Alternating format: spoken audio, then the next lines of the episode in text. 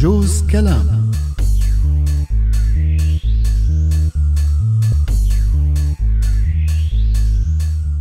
سلامتك أم وليد الله معك. ابقي خبريني شو بصير معكم ها؟ إيه إيه مع السلامة. لك نيالك شو إلك خلق على الأخذ والعطاء على التليفون؟ نيالك. والله اللي بيسمعك بيصدق. ما علينا ستي. مقلاية مين هالمرة كنت حاطة؟ هيك قول من الأول إنه بدك تعرف مع مين عم بحكي وشو عم بحكي. إيه لا أصلا ما كتير بهمني بس يعني آه، حديثه عم نفتحه يعني هيك عم نشرب فنجان قهوة وندردش. يا سيدي رح أقول لك هالمرة ما كنت حاطة مقلاية حدا كنت عم بحكي مع أم وليد. مين أم وليد؟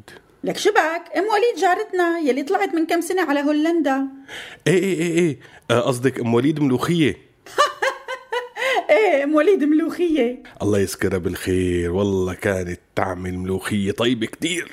المهم خير إن شاء الله شو صاير مع أم وليد؟ شوفي شو القصة؟ هذا يا سيدي عم تسألني على الأوضاع. قال عم تسمع بالتلفزيون إنه كل الناس عم ترجع فبدها تتأكد وتطمن لأنهم عم بيفكروا بالرجعة. شلون شلون شلون؟ عم يفكروا بالرجعة؟ لك في حدا بيوصل لهولندا وبفكر بالرجعة؟ شو أبو فاكر؟ هلأ غيرت رأيك لك لا ما غيرت رأيي وأنا مستحيل أطلع من هالبلد. بس أنا عم بحكي عن الناس اللي طلعت. يعني اللي طلع ومشي حاله وزبط أموره. ليش بده يرجع؟ يعني والله مالي فهمانة عليك. أنت ضد الطلعة وضد الرجعة؟ شلون زابطة معك هيك؟ عادي ظابطة.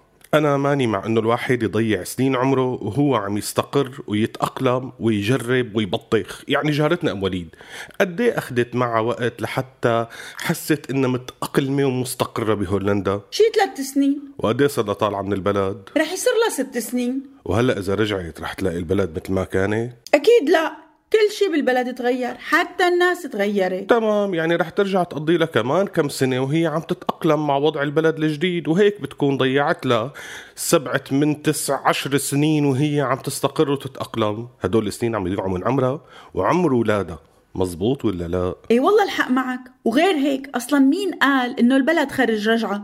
على كل حال أنا قلت لها لا تاخدي بحكي التلفزيون وضع البلد أسوأ من الأول. وإذا كنا مقموعين من النظام فهلأ مقموعين من النظام والروس والإيرانيين وحزب الله وألف جهة وجهة. قال ترجع قال لك اللي ما طلع من البلد وقاعد هون ما أنا عرفان كيف بده يتأقلم مع هالوضع كيف اللي طلع وشاف وعاش. إيه بعين الله. جوز كلام.